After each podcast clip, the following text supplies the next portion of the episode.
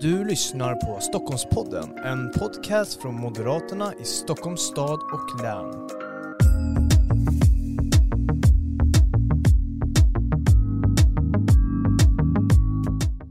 Varmt välkomna till ännu ett avsnitt av Stockholmspodden. Det här är Moderaterna i Stockholms stad och läns podcast där vi pratar om politik helt enkelt. Jag säger hela tiden att den här fasen och jag brukar bli lite trött på mig själv att jag alltid säger den fasen. Så jag väljer bara att säga att varmt välkomna till Stockholmspodden den här gången. Och idag så har vi med oss Dennis Vedin, bostads och fastighetsborgarråd, Stockholms stad. Hallå hallå, kul att vara här. Varmt välkommen. Och så har vi Kristina Axén Olin, riksdagsledamot, utbildningspolitisk talsperson. Varmt välkommen du med. Tack så mycket. Och eh, ja, det här med att podda, ni har ju varit med förut och jag tycker att det har gått bra, men man ska alltid ha lite så inledande snack när vi ska komma in på det här seriösa om ja, men samhällsproblemen och så vidare. Och jag vet ju Dennis att du är ju känd både från politik men också från, från kultursidan. Eh, kanske en liten ny gnista där. Kan, kan du berätta lite om det? Ja, jag har ju engagerat mig väldigt mycket i frågan om att folk inte borde se Bondfilmen. Jag ser det som ren eh, konsumentrådgivning eh, liksom, för att jag såg den själv och jag tyckte inte den var bra eh, och eh, försöker sprida det här budskapet till, för att jag, jag, det finns ju en princip om att man ska se den nya Bondfilmen när den kommer. Men jag menar nu, liksom, det är den vi måste göra upp med nu. Gör inte det, för den här är dålig, punkt.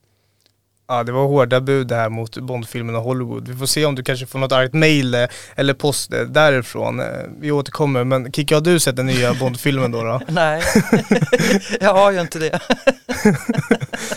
men, men, vi får ta oss, jag har inte heller sett den, så jag kan inte heller ja, ge, ge min åsikt kring den frågan väldigt svår fråga men vi får ta Vi får och, återkomma vi till, får återkomma. vi får ett särskilt podd om biorecensioner. ja exakt och så kan vi ge våra tips och sen kan vi diskutera den ja. Bondfilmen. Men det är ju, ja den är ju känd i samhället så det, det är väl bra i alla fall att att politiken är inne i filmen också och kulturvärlden och ger... Om man, om man inte ska bara vara negativ då kan jag ge ett, ett, något positivt också, någonting man borde se. Då är det ju så att eh, Succession har ju kommit nu med nya avsnitt på HBO. Det kan man se på. Ja. Har du någonting emot, eh, har du ingen svensk film som du, du vill lyfta fram här eller? Jag är ganska, jag är ju väldigt eh, sådär eh, negativ till eh, liksom svenska filmer Eh, eh, som, som gjordes efter, alltså Tomten är far till alla barnen kan jag tycka är liksom, det, det, den, den filmen tycker jag är en succé.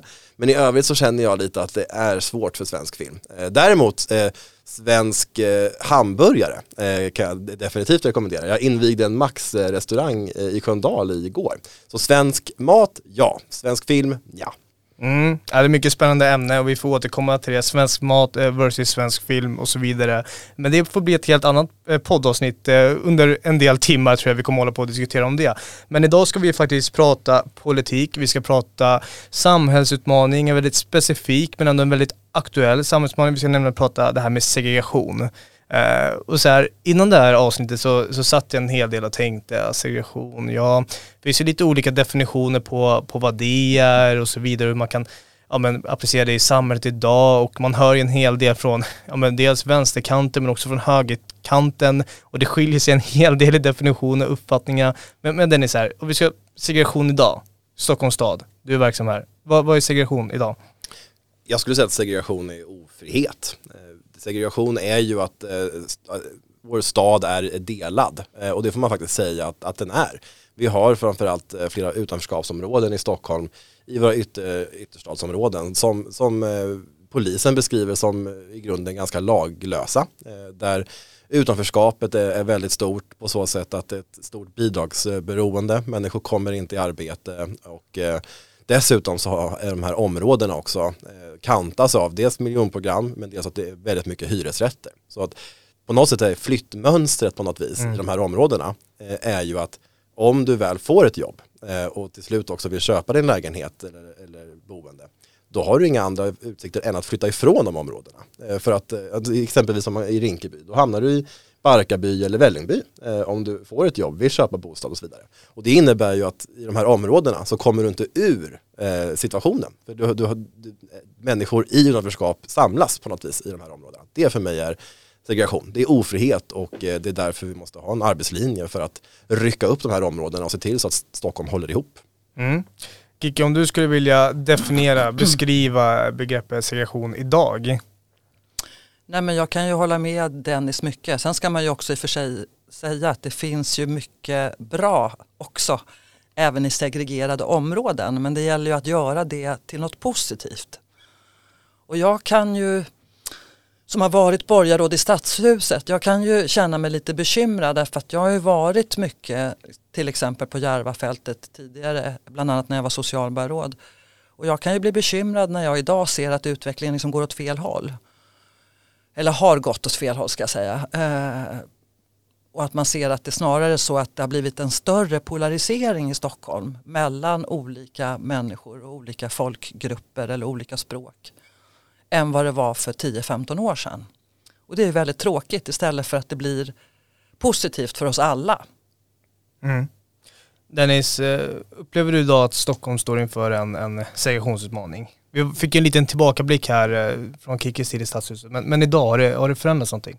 Nej, men verkligen och, och, för att göra någon bara historisk återkoppling också så eh, för mig var ju, jag började engagera mig så, så var Kicki socialborgarråd och eh, om jag inte minns fel också gruppledare i, i Stadshuset och en av de förebilder för mig som verkligen pratade mycket om just hur vi ska hålla ihop mm. Stockholm. Eh, inte, no, inte nog med ditt eh, arbete mot hemlöshet exempelvis var ju väldigt viktigt just, just kring det.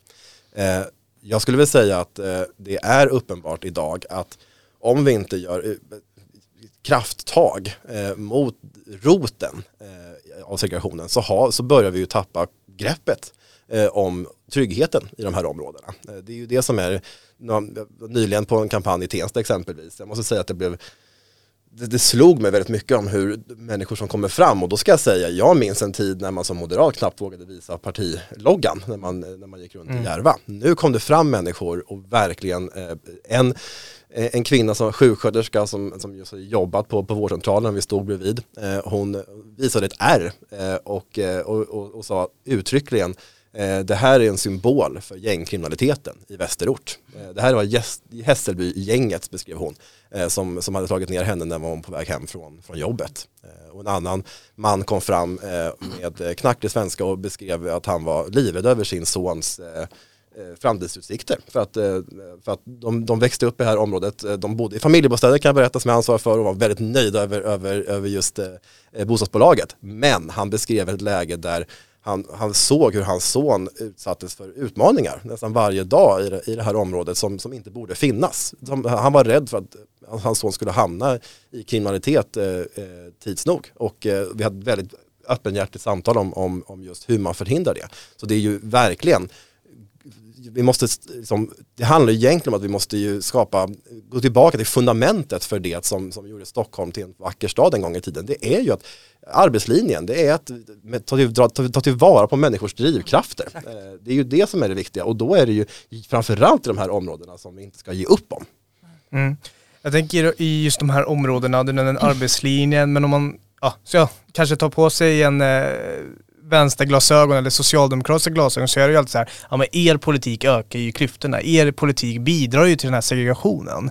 Vi ska komma in lite på politikens kedjor, men just det här med att deras tankar, varför säger de så Kiki?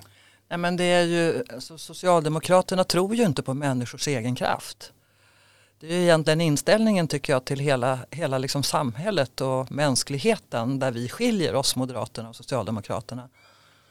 Socialdemokraterna tror inte på människors egna förmågor eller egen önskan utan man vill ju helst styra och alla ska på något sätt inrätta sig i något typ av system. Eh, och så är ju inte människor. Jag tänker ofta på det, de som ändå tar sig till Sverige. Vår invandring, ja, vi skulle, det här skulle vi kunna prata om i timmar, men vår invandring är ju annorlunda idag, eller de senaste tio åren jämfört med liksom för 20 och 30 år sedan. Mm. Eh, men många av de som kommer till Sverige idag, eller som då har kommit den sista tiden, de har ju gjort enorma uppoffringar för att lyckas ta sig till Sverige. Det är ju inte några hjälplösa människor som vi ska på något sätt passivisera direkt och förstöra med att bara introducera det svenska socialförsäkringssystemet och få dem att känna sig som, om, som de är liksom mindre vetande. Det här är ju jättekompetenta människor som har liksom, eh, många åkt på en resa sju, åtta månader och gått över berg, det är ju flytt över vatten, det är ju i högsta grad starka människor någonstans. De ska vi ju ha höga förväntningar på också. Eh, och det har vi ju inte. Mm.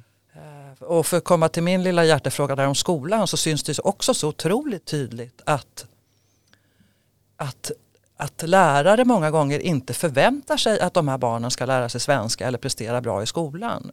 Och jag hävdar att det är ju helt fel för de borde snarare få höra att de ska bli nobelpristagare eller astronauter, vilket vill de välja liksom. Och höga förväntningar. Och jag vet inte var, var, var Sverige gick sönder på det här sättet. Men jag tycker att det är, det är synen på människan som är det djupt problematiska. Mm. Du, du hör Kiki här Dennis, eh, håller du med henne? Ja, till 100 procent.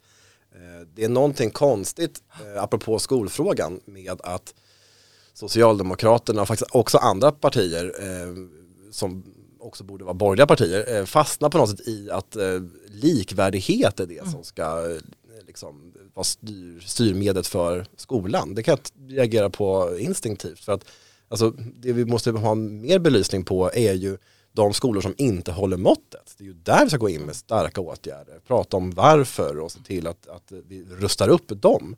Eh, men i, när man bara utgår ifrån eh, likvärdighet då pratar du ju om att då ska du hålla tillbaka framgångsrika skolor. Eh, och alltså, det är ju där någonstans du gör upp eh, om att det ska, det ska, löna sig att driva mm. en, en bra skola. Att, att, att, och att du ska ha elever som faktiskt eh, där, som, som går i skolor som faktiskt funkar. Det är ju inte det som är problemet i svenska skolan. Eh, och det, det, egentligen så är ju det, det Kicke beskriver är ju, det, det är ju socialism. Alltså det är ju att hålla nere en, en väldigt låg standard som ska vara för alla. Istället för att just eh, ta, anamma positiva drivkrafter. Mm.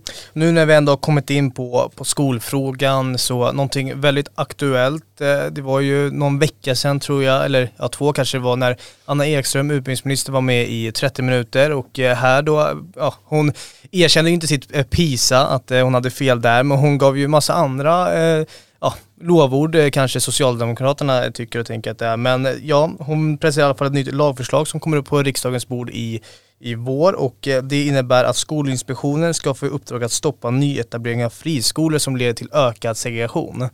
Uh, ja, jag tror inte det bara var jag som uh, nästan hoppade ur soffan när jag hörde det här förslaget och bara tänkte, ja, hur tänker man här? Kiki, hur, tänk, vad, vad tänkte, hur tänker hon? Ja, hur, hur ja. tänker hon? Men, men vad, vad, tänkte du när du, när du hörde det här? Liksom? Att, ja, Ja, nu har jag ju hört det förut då, men, men det, för det första är det intressant att överhuvudtaget diskutera vad nu skolsegregation är och hur man ska veta innan om en skola segregerar eller inte. Eh, det finns många forskare som hävdar att våran skola egentligen inte är särskilt mycket mer segregerad idag än vad den var i början på 2000-talet. Eh, utan det som möjligen slår igenom är ju boendesegregationen. Men hur som helst, eh, vi struntar i det och tar den här diskussionen så är det ju ett batteri av beslut som Socialdemokraterna nu pratar om och tänker lägga. Och det ena är det där att man ska kunna neka en skola om man tror att den då bidrar till att öka segregationen. Och det är klart att det gör ju alla skolor någonstans som tillkommer. Mm. kommer ju att göra att barn flyttar. Eh, men sen är det ju andra delar som de dessutom då kommer att ta upp och besluta om ikväll som handlar om bland annat att eh, ju man ska inte längre kunna få stå i kö till en skola. Eh, man ska bli placerad av en skolmyndighet och då ska skolmyndigheten göra en socioekonomisk fördelning av barn. Också för att då minska segregationen och det där ska inte ens föräldrar kunna överklaga utan det är egentligen totalt sett ett antal förslag nu som läggs för just som kommer att minska möjligheten egentligen för alla familjer att välja. Men jag tror att det kommer att stå, slå extra hårt i våra utanförskapsområden och till exempel på Järva där det faktiskt är fler barn som har valt bort den kommunala närmsta skolan och valt en friskola. Eh, det är inte så många som vet det men det är faktiskt fler familjer som väljer en friskola i våra utanförskapsområden än generellt i Stockholm. Eh, så det här är ju verkligen familjer där det kanske är deras möjlighet att göra en klassresa att få barnen att få andra vänner är just att välja en annan skola än där man bor. Eh, och det vill man ju uppenbarligen nu då förbjuda. Mm. Mm. Det är ju helt galet. Mm. Jag tänker det med att de alltid kopplar liksom friskolorna till, till skolsegregation. Alltså har vi ett problem med skolsegregation i Sverige? Vi har ett problem med boendesegregation. och då syns det i skolor. Men friskolorna är ju samtidigt som sagt var egentligen biljetten till det motsatta. Just att man både kan välja en bra skola och man kan välja bort en skola man av någon anledning inte vill gå i. Eh, och till exempel om vi tar Engelska skolan så har ju Engelska skolan, de, jag tror att de ligger på 67 nu av deras barn har utländsk härkomst. Så att Engelska skolan har ju betydligt fler då, barn från mm. andra länder eh, än en kommunal skola. Mm. Men just den här möjligheten att välja och välja någonting bra. Jag tänker när jag är ute på Järvafältet och träffar familjer då är det första som mammorna nästan skäller på mig för att liksom, just att de tycker att skolan är så viktig och att den inte fungerar tillräckligt bra. Att inte deras barn får tillräckligt bra undervisning. För de är ju just, om vi nu går tillbaka till det här igen, de här familjerna som har flytt till Sverige. De vill ju, de vill ju deras barn det bästa. Och att barnen ska få möjlighet att göra det här som föräldrarna kanske aldrig fick. Uh, ja, så för dem är ju skolan och att vi ser till att deras barn lyckas i skolan, den är, det är ju som deras högsta önskan. Mm. Dennis, du hörde boendesegregationen här. Eh, Kicki nämnde att vi har problem med det. Eh, boendesegregationen, har vi problem med det? Verkligen, och, eh, och, för mig var det en av insikterna in i vuxenlivet var ju för mig att eh, vänta nu här, eh, kompisarna de eh, flyttar, de kollar inte på liksom eh, finns det fin skog i området eller hur stor kanske är lägenheten eller liknande utan en viktig del är helt plötsligt finns det bra skolor i, i, i området. för mig var det en insikt i att men herregud, det här säger ju någonting om ett, ett större problem. Eh, givetvis så, så har vi boendesegregation eh, eh, och det säger ju så mycket om att eh, då, då, är det ju ett batteri av olika åtgärder som, som vi måste eh, använda oss av för att just eh, komma till botten med de områden som behöver extra mycket hjälp i Stockholm. Så det är ju en viktig del att, att, att nämna. Och när det kommer till just boendet, då är det ju viktigt att det finns olika boendeformer i respektive område. Vi kan mm. inte ha ytterstadsområden som, ja, men, säg Rinkeby, då är det 95% som bor i en hyresrätt givetvis eh, har ju det, spelar det en negativ roll för då är det ju att då har du inte den här utsikten över att om du vill köpa ditt boende då måste du flytta därifrån. Eh, då hamnar du i Vällingby eller Barkarby och, mm. och eh, men det är i Rinkeby du kanske vill bo, det är där vi vill ha dig kvar, det är kanske där du har din familj. Eh, det, men, så det är ju i boendeutbudet som vi liksom håller de här områdena tillbaka. Och då är ju ombildningar, eh, möjlighet till ombildningar eh, från hyresrätt till bostadsrätt en del som vi jobbar med att, eh, att möjliggöra för. Men det, men det är också i nyproduktion som vi måste se till att det, att det byggs mer för ägt boende i ytterstadsområden. Men också att vi håller tillbaka Socialdemokraternas ständiga eh, krav och förslag på att göra det dyrare att bo i ägt boende. Mm. Alltså det, är ju inte, det är inte där vi ska just nu ska, eh, Eh, ska lägga tyngdpunkten på att eh, införa fastighetsskatter och eh, allt annat eh, jox som bara skulle hindra människor från att kunna ta det här steget in på bostadsmarknaden. Och den här sociala ingenjörskonsten, för det var ju också, tänker jag, vad Socialdemokraterna gjorde för tusen år sedan då i Stadshuset, att man fick för sig att inga fler flyktingar eller invandrade familjer skulle få flytta ut på Järvafältet utan man gjorde, man upplät ett antal hus på Södermalm eh, där man då gav flyktingar och andra som kom hit lägenheter eh, i någon sorts social ingenjörskonst just att de skulle då bo på Södermalm. Det bara det tog ju ett år, sen hade ju alla använt dem där som bytesobjekt och flyttat ut på Järvafältet i alla fall. För man vill ju många gånger bo med sina landsmän. Mm. Eh, men så gör vi svenskar också när vi flyttar utomlands, att vi gärna bor i områden där det bor andra svenskar. Så att det är den ni säger nu om att just se till så att det finns både radhus och bostadsrätter och helst villor på Järvafältet. Det är ju där man liksom måste det är så, den vägen man måste gå istället för att tro att man då med socialdemokratisk modell ska börja förbjuda folk från att flytta till Järvafältet eller mm. så. Ja, Socialdemokraterna ja. de vill ju Ja, de ser ju ombildningar som det stora problemet när det kommer till boendesegregationen. Så att, eh, ja. Ja det... Men tänk dig att starta den bästa skolan som finns till exempel. Ja. Satsa, eh, liksom, satsa verkligen på att vi får spjutspetsskolan ut till Järvafältet. Mm. Det vore ju fantastiskt. Mm. Ja, det där fascinerar mig med det här skolutspelet som de, som de verkar ha mm. gjort. Att om det är så att det skulle påverka underlaget för en kommunal skola, ja men då kan inte du komma in här med din, Nej, med din populära eh, idé om friskola. För då kanske elever väljer den skolan. Ja. Det, på något sätt blir det ju bara en helt absurd tanke om att nej men, vi ska hålla tillbaka det som människor mm. kanske faktiskt väljer. Ja. Eh, om, det, det, om, om de inte skulle välja den här skolan, ja. då har vi mindre problem. För då, då kanske det inte påverkar den andra kommunala skolan. Alltså på något sätt blir det ju, vad är det för drivkrafter man, man, och incitament man, man sätter in i ett system? Det är provocerande. Mm. Mm. Och det finns ju friskolor, Kista International som bland annat har fantastiska resultat. Jag tror att de hade nästan 100% av eleverna som gick ut med fullständiga betyg. Mm, mm. Eh, och så så det ju, finns ju en sån kraft i att just ha bra skolor som folk kan välja. Mm. Det finns ju en hel del man kan göra på lokal nivå, du nämnde ju lite här Dennis, men, men så här, från den nationella nivån då? Behövs det komma riktade insatser till exempel ja, men mot områden som ja, är segregerade, exempelvis Järva och så vidare. Behövs det de här nationella insatserna? Eh, behö, behövs det komma? Vad tänker du Dennis? Verkligen, men det behövs eh, olika typer av insatser nationellt för att vända den här utvecklingen. Eh, vi har varit inne på vi har haft partistämma nyligen och mm. slog ju fast olika eh, politiska inriktningar. Eh, en sån sak är ju att vi ska ha en restriktiv invandring eh, nu. Vi behöver andrum för att kunna ta, ta, ta hand och integrera de som, som och ge stöd till de som faktiskt är här. Vi behöver en arbetslinje och, och eh, sådana riktiga incitament mer. Och I det ingår ju ett bidragstak som ju faktiskt ska säkerställa att det finns ett incitament där för dig att, att anstränga dig och, och komma in i arbete. Men givetvis också trygghetsåtgärder. Här har vi ju någonting som är galet när vi, det går inte att komma ifrån att vi hittills har haft 273 skjutningar eh, och i, i, Sverige och att 40 personer har avlidit som, som följd. Eh, och det blir ju någonting märkligt när tyska tidningen Bild menar att Sverige är Europas farligaste land. Alltså det, det, det säger väl ändå någonting om att det är nationellt eh, där vi måste komma in med, med konkreta eh, insatser här. Eh, och det är ju anmärkningsvärt då att eh, det sossarna och Vänsterpartiet och, och Centerpartiet de sitter ju där i riksdagen och säger nej till dubbla straff för gängkriminella, för utvisning för utländska gängkriminella och att göra höjda polislöner permanenta. Eh, så att jag tycker det är uppenbart att Moderaterna eh, står väldigt starkt i att faktiskt få till en, en rejäl ändring och att vi inte är så naiva längre gentemot den här samhällsutvecklingen.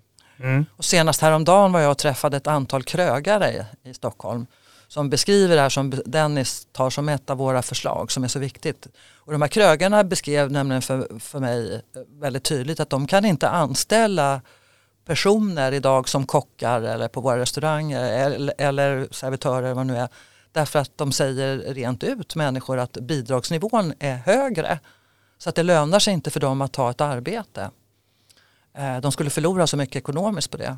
Det är ju helt galet. Vi måste ju självklart ha ett bidragstag så att människor tar eh, de jobb som faktiskt liksom finns och där dessutom branschen skriker efter arbetskraft. Mm. Eh, och det är ju viktigt för alla, det är ju så vi får tillväxt.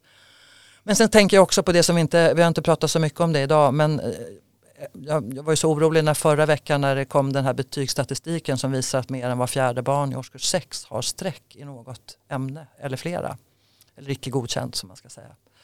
Otroligt oroande siffror. Alltså, har, man, har man icke godkänt redan i årskurs 6 är det ju svårt att hämta hem. Men en sak som vi ju måste göra det är ju att alla måste ju lära sig svenska. Alltså en stor anledning till att barn och elever inte klarar skolan är att de kommer till skolan och talar inte ett enda ord svenska. Och eh, talar inte svenska på fritiden och, och man, vi har en tolkförmedling i Sverige som också nästan blir på det sättet destruktiv därför att människor som bor i Sverige behöver aldrig lära sig svenska därför att man får tolk. Där tänker jag också är också viktigt att vi verkligen, och som vi moderater föreslår, ser till så att alla barn lär sig svenska. Och även de äldre. Men framförallt barnen som är födda i Sverige ska ju självklart kunna svenska när man börjar i skolan. Då kan man fokusera sig på de ämnen som finns här. Eh, och då kommer vi inte längre ha var fjärde barn som inte har betyg i årskurs 6. Mm. Jag tänker, det är en hel del insatser som krävs, ja, men både lokalt men också från nationella nivån. Ja, arbetslinjen egentligen behöver ju agera som arbetslinjen ska göra. Boendeinsatser men också skolinsatser. Eh, men så här, att minska segregationen, ja det är en viktig, viktig, nödvändig pusselbit också för att få bukt på ja, den växande gängkriminaliteten och otryggheten. Eh, vi ser ju hela tiden hur det kommer flasher om skjutningar och andra brott som händer som inte ska hända. Men, men där, hur kan vi jobba alltså förebyggande med, med segregationen, skolan, ja, men boendet och så vidare för att på något sätt motarbeta då, ja, otryggheten, fler skjutningar och så vidare. För att ja, det är ju, vi har ju förslag på dubbla straff och så vidare, hårdare tag. Men det krävs ju också den här andra biten, tänker jag. Vad tänker du kring det? Nej, men jag tänker ju det som jag då tjatar oftast om, alltså det bästa och det, me det mest förebyggande man överhuvudtaget kan göra, är att se till så att alla barn går ut skolan med fullständiga betyg. Och helst ska du inte bara gå ut alltså grundskolan utan även gymnasiet. Eh, och jag menar, vi vet ju i Sverige så var det ju 16 038 elever som gick ut skolan i somras, grundskolan, utan grundskoleexamen. Eh, och så har det sett ut ett antal år nu och det blir ju liksom 100 000 på 5-6 år. Eh, det är helt oacceptabelt för har du inte ens grundskola så får du inte ett jobb. Vi har inte en arbetsmarknad längre i Sverige för, ja, för outbildade liksom, barn och ungdomar. Eh, utan ruta ett är ju att se till så alla barn klarar skolan och även gymnasiet. Det är den mm. viktigaste insatsen man kan göra, förebyggande. Mm. Dennis, vad tänker du? Det här med att förebygga insatserna, minska segregation hänger ihop med ja, minska trygghet, eller minska otryggheten såklart. Yes, eh, men, eh, men dels att vi inte är naiva, exempelvis eh, socialtjänstlagen idag är ju inte utformad efter efter realiteterna eh, idag. Och så att se över den är ju en, en viktig pusselbit eh, i detta. För att alltså, helt enkelt komma in med rätt insatser till de som har det tufft eh, är ju en väldigt viktigt för, förebyggande insats. Att lyfta, om man märker att unga exempelvis eh, hamnar i, i trubbel i väldigt ung ålder, men då måste man ju kunna komma in tidigt med insatser, lyfta ur dem från den problematiken och, eh, och ge, ge hjälp eh, helt enkelt oftast i, i, när, du, när du har det tufft så är det ju att du bor väldigt trångbebott exempelvis. Eh, du, du, har inte de här grundfundamenten i familjen för att få hjälp och liknande och då ska ju samhället komma in där med, med, med hjälp. Eh, och jag skulle säga, men, men en viktig del är ju just att våga ställa krav, som Kikki också var, var inne på. Eh, det är, när jag säger att vi har varit naiva så är det ju lite det jag också eh, tänker mycket på. Att det, att det är faktiskt att, att ställa krav, exempelvis kring, kring språket är ju en sån, sån viktig del. Att, att nej men, bara för att du, du, har det tufft kring det, kanske har det tufft i skolgången och liknande, men då, det, då, då, kan inte svaret vara att vi ger upp, utan då måste svaret vara att ännu mer insatser. Eh, eh, för att eh, se till så att du inte då eh, kommer, kommer emellan i systemet eh, och, eh, och till slut inte är redo för, för vuxenlivet när det väl, när det väl är dags. Mm. Hörrni, jag vill tacka er för att ni kom till Stockholmspodden. Väldigt intressant ämne. Stort tack Kristina Axén Olin och Dennis Vedin. Tack själv. Tack så mycket. Kanske vi nästa gång kan behandla James Bond. Precis.